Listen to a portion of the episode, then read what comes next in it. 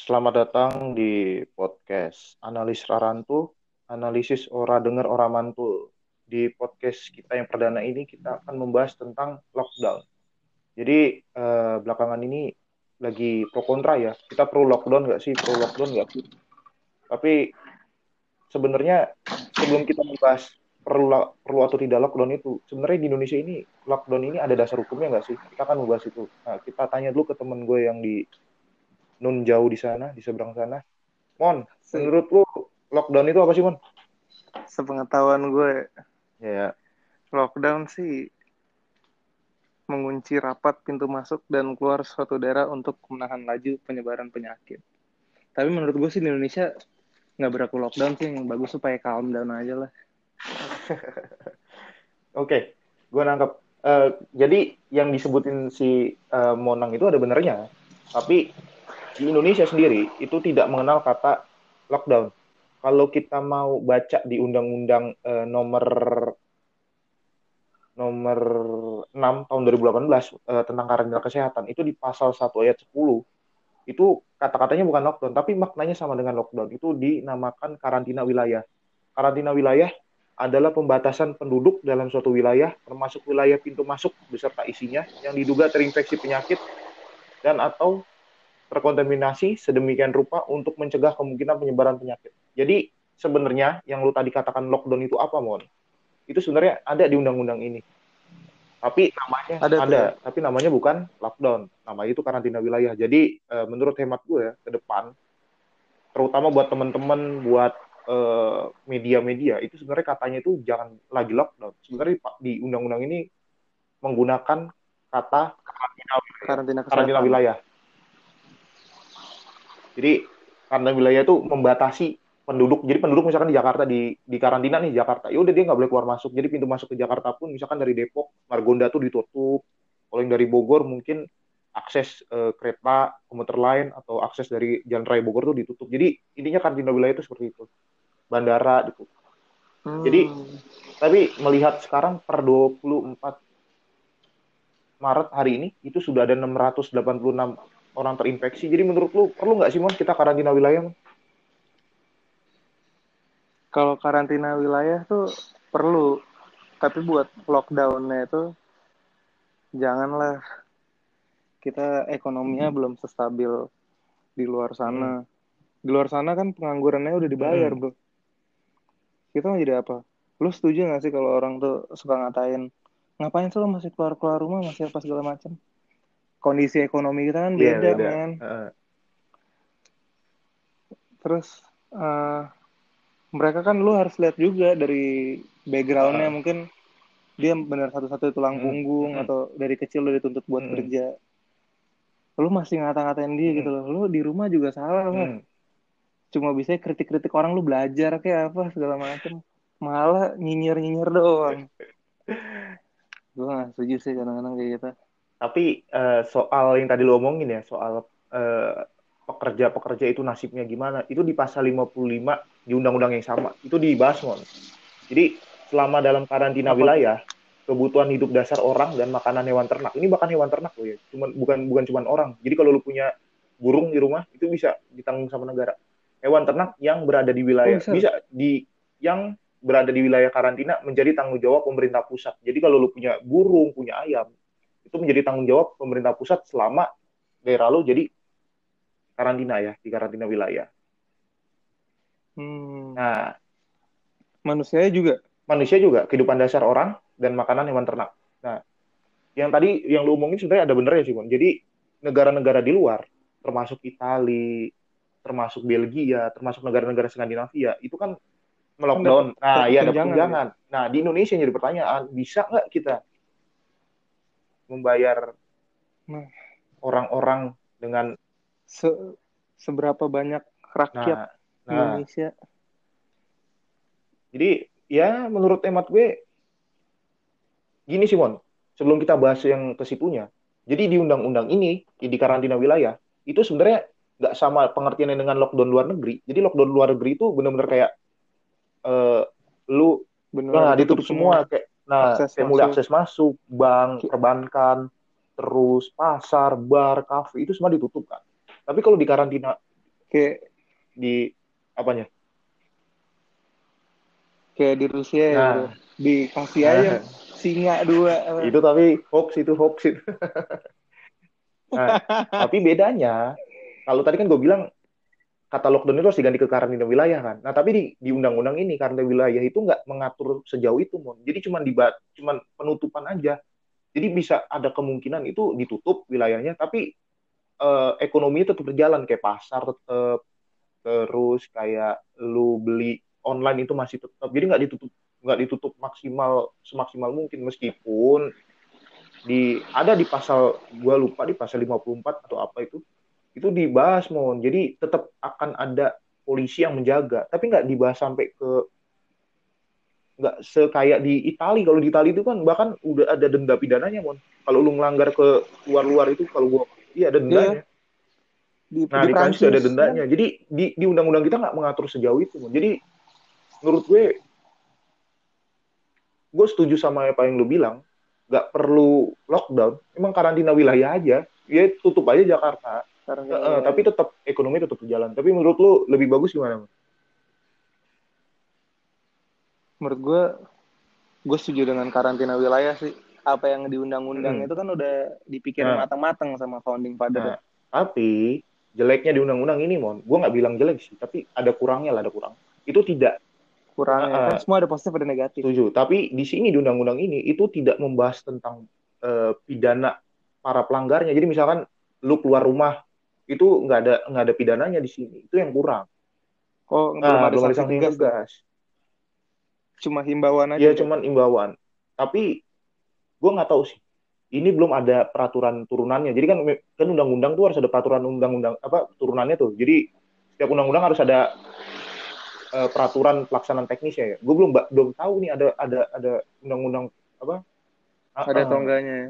Jadi cuman ini cuman ya pasal 53 ya kayak kita baca tuh di ayat satunya karantina wilayah merupakan bagian respon dari kedaruratan masyarakat. Udah gitu doang itu nggak ada penjelasan teknisnya kayak gimana. Jadi ya kurang lah. Berarti pasal masih pasal karet Ya dibilang pasal karet bisa tapi ya ya seperti itulah. Nah, kalau kita ngomongin sosial, kita lanjut ke nanti sebelum kita bahas ke efek-efeknya, kita bahas ke ini dulu ya, social distancing. social distancing Itu sebenarnya ada mon di undang-undang kita, mon. Percaya nggak lu? Sebenarnya ada social distancing. Di pasal 1 ayat 11. Jadi ini di sini namanya pasal satu Iya. ayat 11 tapi di sini bukan social distancing namanya. Namanya itu physical Bukan. distancing aduh distancing inilah, bola lah, bola lah. Jadi Jadi di pasal 1 ayat 11 itu pembatasan sosial mau namanya, Bang. Pembatasan sosial berskala besar adalah pembatasan kegiatan tertentu penduduk dalam suatu wilayah yang diduga terinfeksi penyakit dan atau terkontaminasi sedemikian rupa untuk mencegah kemungkinan penyebaran penyakit atau kontaminasi. Jadi ini yang dinamakan social distancing ya menurut gue.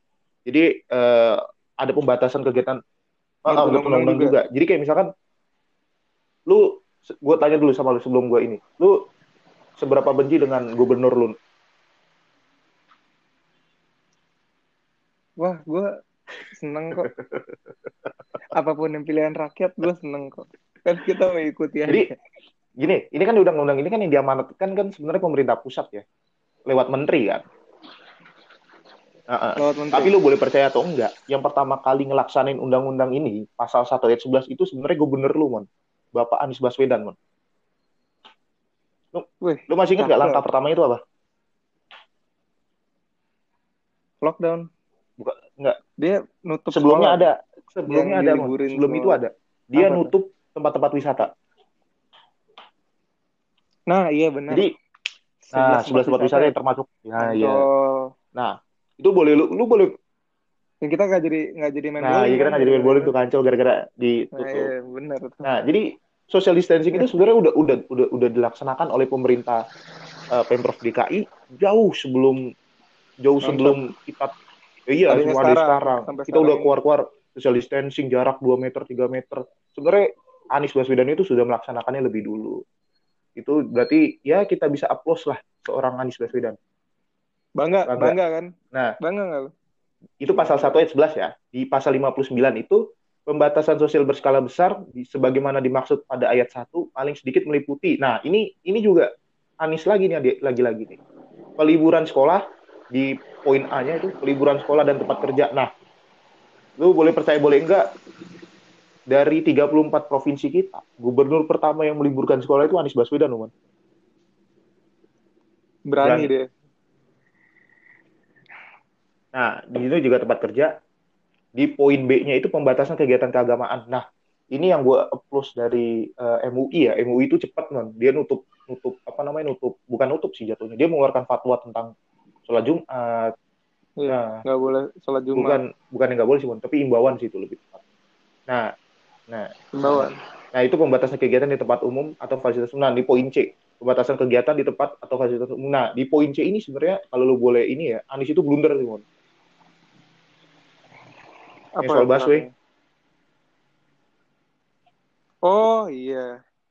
Sebenarnya kayak menurut gue sih dia mau survei dulu sih apa yang terjadi tiba-tiba yang terjadi ternyata kan maksudnya dibebasin ganjil genap nggak diadain biar orang-orang tuh naik kendaraan pribadi eh ternyata masyarakat Indonesia eh khususnya masyarakat Jakarta suka naik kendaraan umum kan tapi gitu. gue inget banget itu kata-katanya dia tuh efek kejut gitu ya eh kejut ya. Jadi ya kita udah udah kita sampai sini udah udah paham dulu ya. Sebenarnya lockdown itu di Indonesia namanya karantina wilayah, tapi di undang-undang ini karena karantina wilayah itu tidak sama dengan lockdown. Lockdown itu menutup semuanya, sedangkan e, karantina wilayah tidak karantina mengatur wilayah. sejauh itu. Nah, social distancing itu banyak tuh ada temen gue ngomong social distancing itu nggak ada dasar hukumnya. Gue bilang di sini ada ada ada dasar hukumnya di pasal 1 ayat 11 itu tadi. Jadi buat teman-teman yang sukanya nyinyir seperti kata Monang tadi, uh, nyinyir. baca lagi tolong. Nggak tahu fakta-faktanya. Tolong. Mending di rumah baca buku deh, kalau nggak pelajarin lebih dalam apa sih itu daripada kalian gabut-gabut mainnya. Mungkin mungkin ya. Banyak yang main game atau masih pacaran aja. Kebetulan oh, gue nih jomblo jadi intinya itu. Jadi ada dasar hukumnya. Karantina wilayah itu ada diatur. Terus ada lagi yang dinamakan pembatasan sosial berskala besar nah ini yang dinamakan social distancing tapi soal ngomong-ngomong soal social distancing soal lockdown menurut lu darurat gak sih man soal covid-19 ini man urgent gak ini untuk di karantina wilayah lah Jakarta lah minimal Jakarta aja. Menurut gue sih dari data-data yang ada sekarang darurat sih. Tapi selama lo menjalani prosedurnya, gue jamin lah bakal berkurang. Hmm. Apalagi baru dibuka kan itu hmm. di Wisma Atlet buat hmm. darurat COVID, rumah sakit darurat COVID. Kalau menurut lo sendiri darurat atau enggak deh? Kalau menurut gue sih darurat. Kalau menurut gue gue nggak ngelihat dari persentase yang positifnya ya mon tapi gue ngelihat dari persentase yang meninggalnya nih mortality rate-nya itu tinggi banget tuh tinggi banget tinggi banget nih yang berita terbarunya itu tuh uh, 686 kasus 55 hmm. meninggal yang nah, sembuh baru 30 itu, itu data per hari ini ya 24 24 Maret ya data 4, nah, iya. 4 jam yang hari lalu ini tanggal 24 Maret jadi mortality rate itu tinggi banget. Jadi menurut gue dibilang urgent ya urgent tapi enggak urgent. Tapi untuk sampai ke lockdown seperti luar negeri menurut gue nggak urgent lah di Indonesia. Belum urgent lah, bukan bukan nggak urgent ya, belum urgent. Dan nah, menurut gue nggak bisa juga. bisa juga sih kalau hmm. lockdown yang benar kan pak. Calm down aja lah. Iya. Tapi kalau lockdown, nah, eh kok ntar penghasilan kita nah, dari mana? Kita bahas penghasilan ya. Jadi semalam waktu gue kerja, mon, gue shift malam itu, gue beli nasi goreng kan ceritanya. Oh, ntar, masih, masih. masih kerja nih, belum belum libur kan? Kan sampai katanya libur sampai tanggal Kita kan kerja April. untuk mengabdi ke masyarakat DKI, Pak Munang. Gak ada libur-liburnya. Wah, siap. Siap. Jadi, Makasih banyak ya waktu itu. Sekarang udah gak banjir-banjir lagi nih.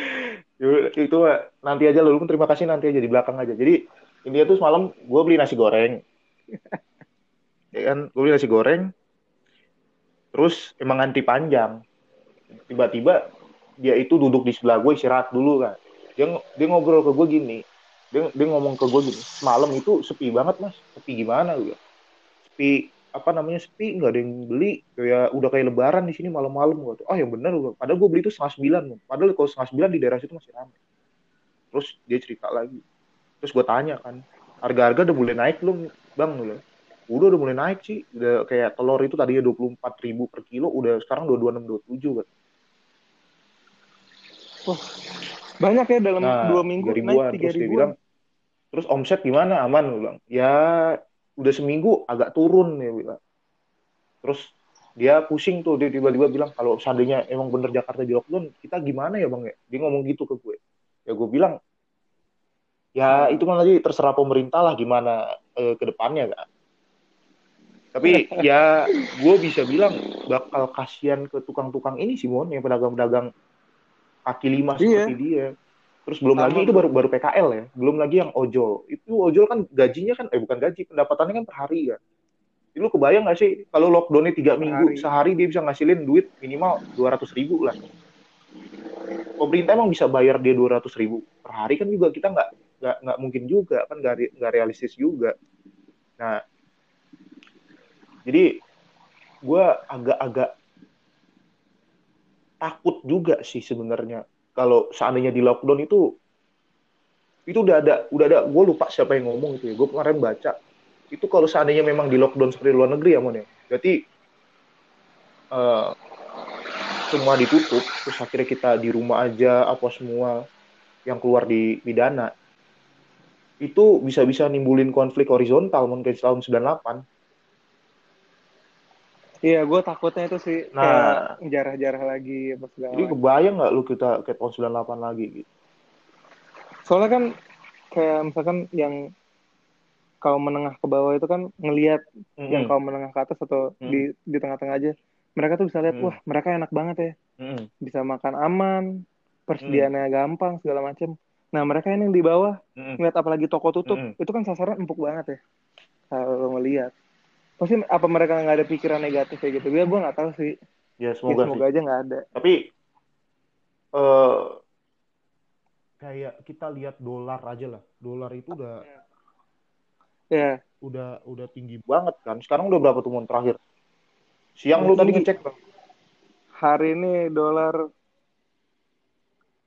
tadi pasti tutup itu masih 16 ribuan sih. Sekarang wah 16 ribu tiga ratus ribu tuh udah ngeri banget. Jadi Kemarin tinggi banget sih, 16.700. Udah sempet 16.700. Buset. Eh. 16 setengah kali. bro. 16.000 hmm. 16.500. Ya. Gitu. Kalau terus kayak gini nih, kita bisa makin nah, lemah lagi ekonomi. Makanya gue kemarin gue kan emang anak Twitter ya, gue nggak main nggak main Instagram kan, gue anak Twitter.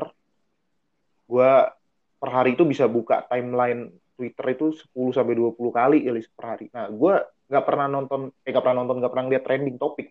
Jadi saya gue buka trending topik, itu lu tau trending topiknya apa, Mon? Lockdown. Apa itu? Lockdown, lockdown. So, rata-rata masyarakat Indonesia minta di lockdown. Ya, gue Iya, ya biasa tuh nah, kaum milenial ya gua, yang ini. Ya, mereka nggak ngerti. Ya gue paham sih, Mon. Emang emang satu-satunya cara buat ini ya lockdown. Tapi mereka tuh ngelihat itu cuma dari satu sisi dari kemanusiaannya aja, nggak nggak ngelihat nggak yeah, ngelihat dari sisi bener. yang lain gitu. Mereka tuh nggak cuma ngelihat dari dia, mereka tuh nggak lihat nah, latar belakang seorang, nah, latar nah. belakang Indonesia dari segi ekonomi kah, dari segi penduduknya, dari segi apanya lah. Mm -mm. Cuma dari satu doang. Ya mereka biar merasa, wah gue keren nih ngomong kayak gini, gue mengeluarkan pendapat gue kayak gini, ah gue tenang aja yang dukung gue juga banyak. Tapi mereka nggak nggak hmm. mikir ke aspek yang lebih jauhnya lebih luasnya ke ekonomi lah terutama. Belum lagi kita bahas yang sosial yang tadi gue bilang yang konflik bakal kayak balik lagi ke 98 mereka kan tidak sampai ke situ uh, pembahasannya uh, pemikirannya. Pemikirannya. Dan juga ya sebenarnya gue gue kan bukan orang yang pro ke siapa-siapa ya. Tapi gue kasihan sih Iya, kita ada, gue juga kaum netral. Tapi gue ngeliat, membahas dari sisi atas dan gua ngeliat dari sisi bawah.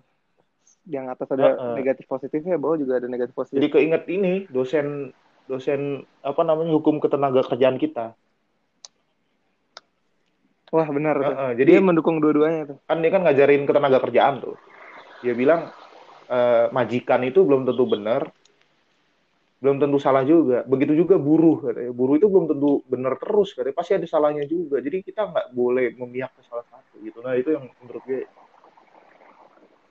Doa. Iya, kita harus lihat dari dua pandangan. Menurut gua kok kor corona ini juga Eh, ya udah kita bahas dulu. Dari positifnya Ya, dulu aja lah.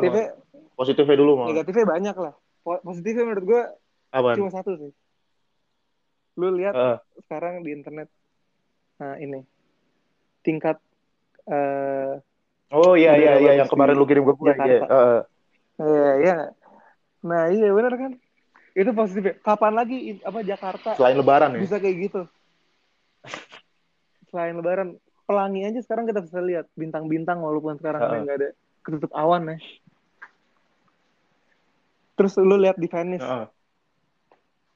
di sana Oh, ikannya bisa hidup lagi. Padahal kan tadinya Mm-mm. kapal kotor banget kan itu laut-laut. Menurut gue cuma itu doang sih positifnya. Ya, sisanya negatif. Mungkin juga alam tuh mungkin lagi ngamuk kali dan pengen merestart semuanya Ya, dari awal. Bisa. Bisa jadi, bisa jadi. Bisa aja sih. Tapi menurut gue COVID ini sebenarnya membawa berkah tersendiri sih, Man. Berkahnya nih ya. Oh iya nih. Menurut gue positifnya kita jadi lebih dekat dan bisa ngobrol Nah, sama orang terdekat nah, kita sih nggak lewat bener ya, bener Bener banget, bener sih? bener. Nah, yang biasanya yang bi- selain social distancing tapi juga jadi bercengkrama Iya, sosial dengan biasanya kita- beneran gitu. pagi kerja, pagi kuliah, pulang udah malam, tidur, nyampe rumah tidur doang. Sosialisasi sama Nah. orang tua enggak. Heeh. Apalagi lu kerja kan, tapi iya sosialisasinya sama itu Nah. apa alat-alat sama air lu kan biasa gitu. Lu tapi enak mon bisa bisa di Instagram lu bikin story gitu kan apa bikin story foto di kamar gitu hashtag di rumah aja gue tuh nggak bisa kayak gitu mon Gue gue kesel kadang di rumah aja di rumah aja lu nggak mikirin orang yang gojek apa ya Nggak- yang mikirin ojek ojek online gitu nggak mikir apa Nah. Padahal kita Nah. mesen makan sama mereka juga Nah, kalau misalnya di rumah aja. Lu nggak bisa nggak bisa ini dong mesen makanan Nah. online dong. tapi ini ini gue yang baru tahu hari ini sih mon gue nggak tahu kemarin ya jadi ceritanya gue ada mau beli beli barang lah di podcast eh di podcast di di di Tokped kan di Tokped gue mau beli beli barang gitu.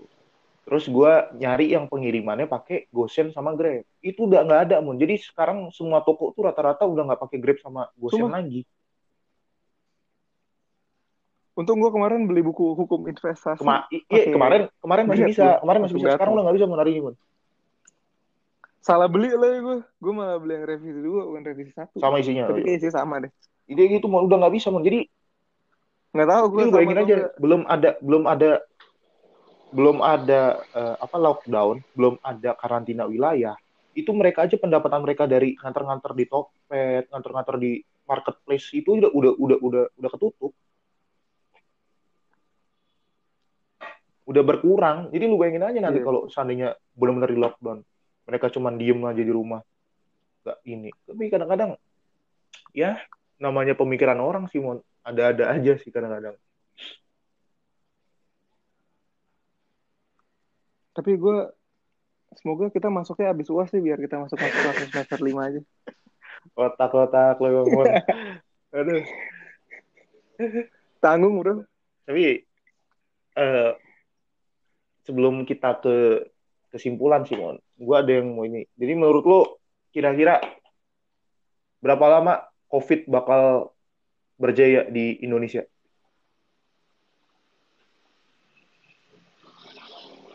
Katanya sih obatnya udah ada.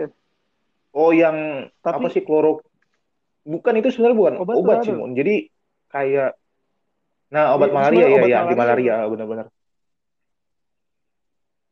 Nah, itu yang jadi masalah tuh. Itu obat itu bikin kritis dua orang mon di Amerika mon. Dikiranya anti antivirus ini ya, antivirus antivirus COVID, nggak tuh diminum dia malah kritis.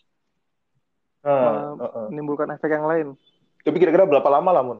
Jadi kira-kira menurut Jadi lu gimana? berapa lama lah COVID ini? Kalau misalkan banyak yang membantu dari luar sih mungkin lebih cepat ya. Ya sampai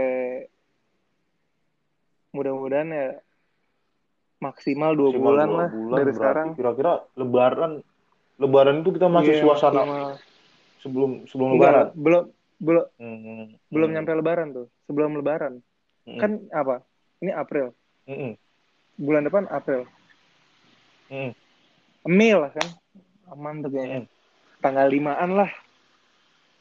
Kayaknya sih selesai tanggal limaan. Oke, bentar bentar. Ini gue nggak tahu dapat notif dari CNN. Sebentar sebentar. Baru aja sih beritanya ini. Kayaknya menarik untuk kita bahas.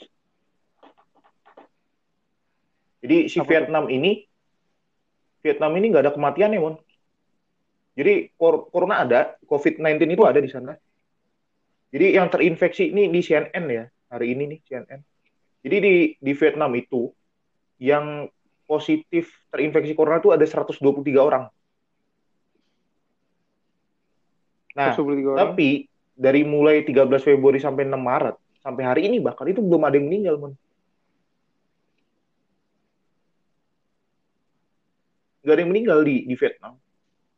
Padahal gimana tuh? Nah, caranya? Sebentar gue bacain. Gak disebutin. Dia melakukan kebijakan isolasi di beberapa wilayah di distrik Hanoi. Oh, ini mengisolasi wilayah, Bang. Nah, itu kayak Indonesia. Ya sama kan kayak apa? Di apa distrik? Oh, yang itu karantina oh, wilayah. Karantina nah, wilayah.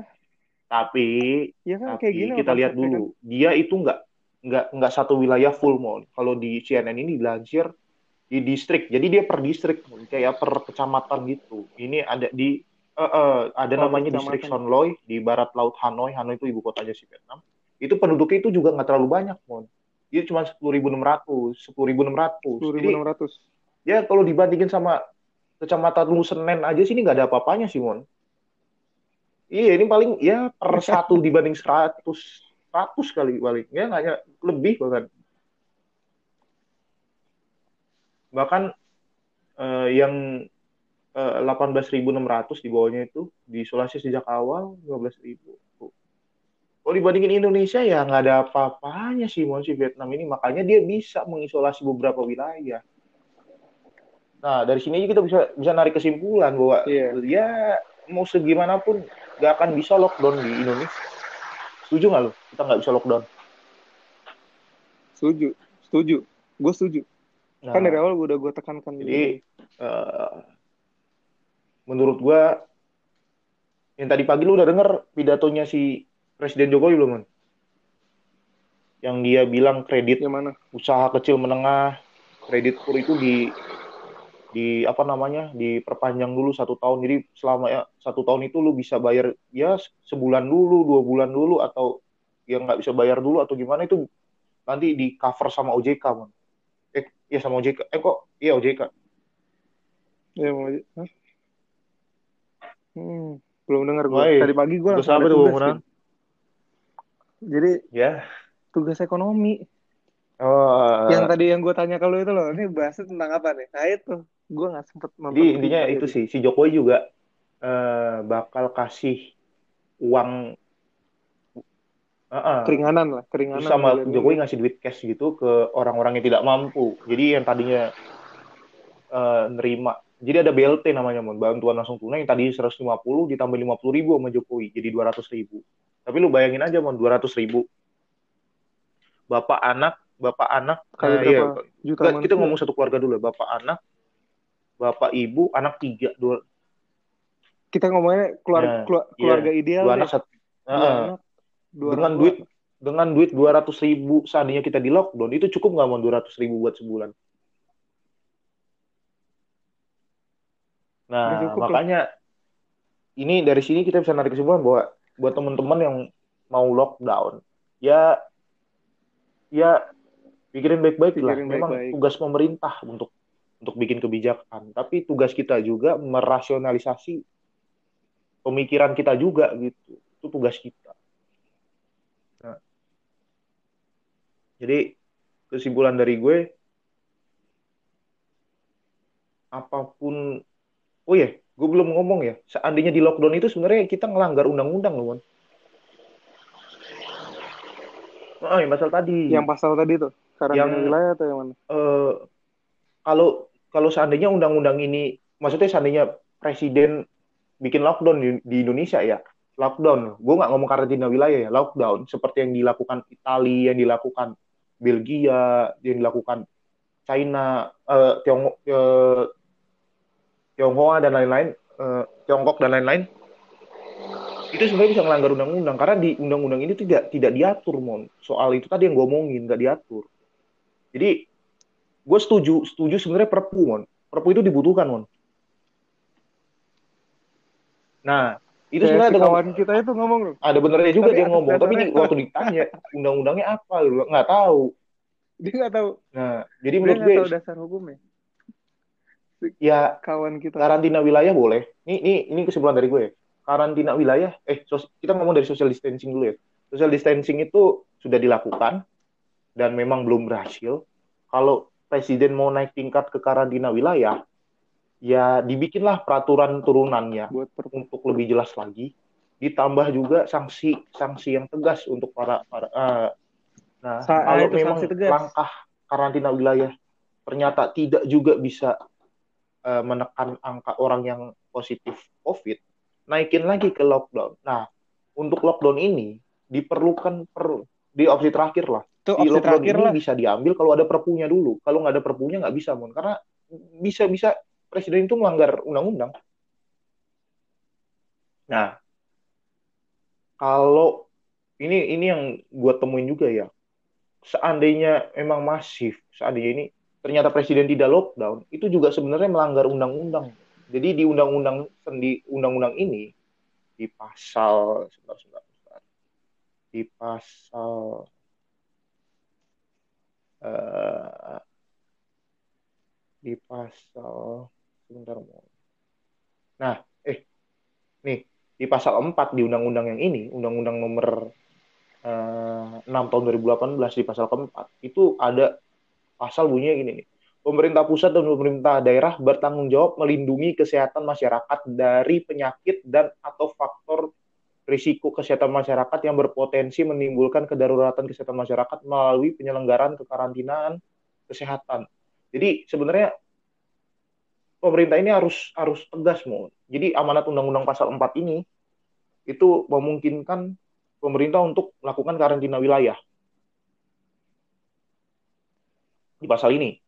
Jadi unsurnya sudah terpenuhi ya. Ini kan udah udah antar antar negara, sudah antar uh, wilayah. Kenapa gue bisa bilang unsur ini terpenuhi? Karena di pasal ke di pasal nah ada syarat-syaratnya. Apa ada syarat-syaratnya Ini sudah unsur-unsurnya ter, sudah terpenuhi nih. Sebentar di pasal berapa gue lupa. Nah, nih di pasal 53 ayat 2 ya. Di karantina wilayah sebagaimana yang dimaksud pasal ayat 1 di ayat satunya tuh uh, berbunyi karantina wilayah merupakan bagian respon dari kedaruratan kesehatan masyarakat. Itu dilaksanakan kepada seluruh anggota masyarakat di suatu wilayah apabila hasil konfirmasi laboratorium sudah terjadi penyebaran penyakit antar anggota masyarakat di wilayah tersebut. Jadi uh, di pasal ini itu uh, menjelaskan bahwa sudah ada hasil laboratorium yang menjelaskan sudah terjadi penyebaran yang masif nih Mon. Jadi kalau lu lihat dari kasus-kasus yang positif, dari kasus-kasus yang positif, itu nggak cuma lagi imported case. Imported case itu yang dari luar negeri Mon, yang lu habis berpergian ke luar negeri, terus pulang ke Indonesia lu, nah itu imported case.